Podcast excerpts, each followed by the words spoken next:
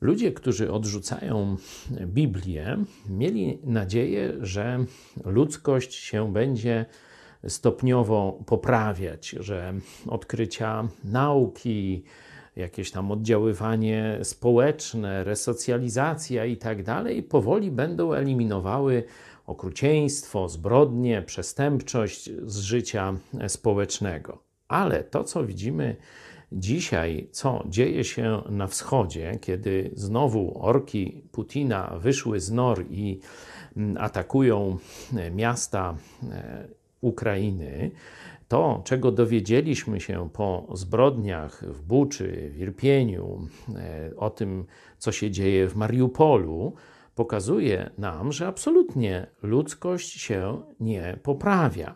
Można powiedzieć więcej, że e, się pogarsza, że armia Putina jest gorsza od armii Hitlera.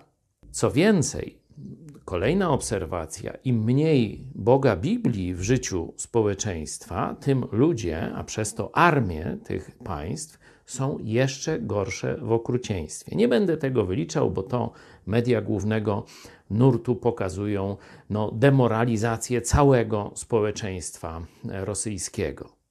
No i teraz wyobraźmy sobie świat bez chrześcijaństwa, bez Biblii, e, bez Boga.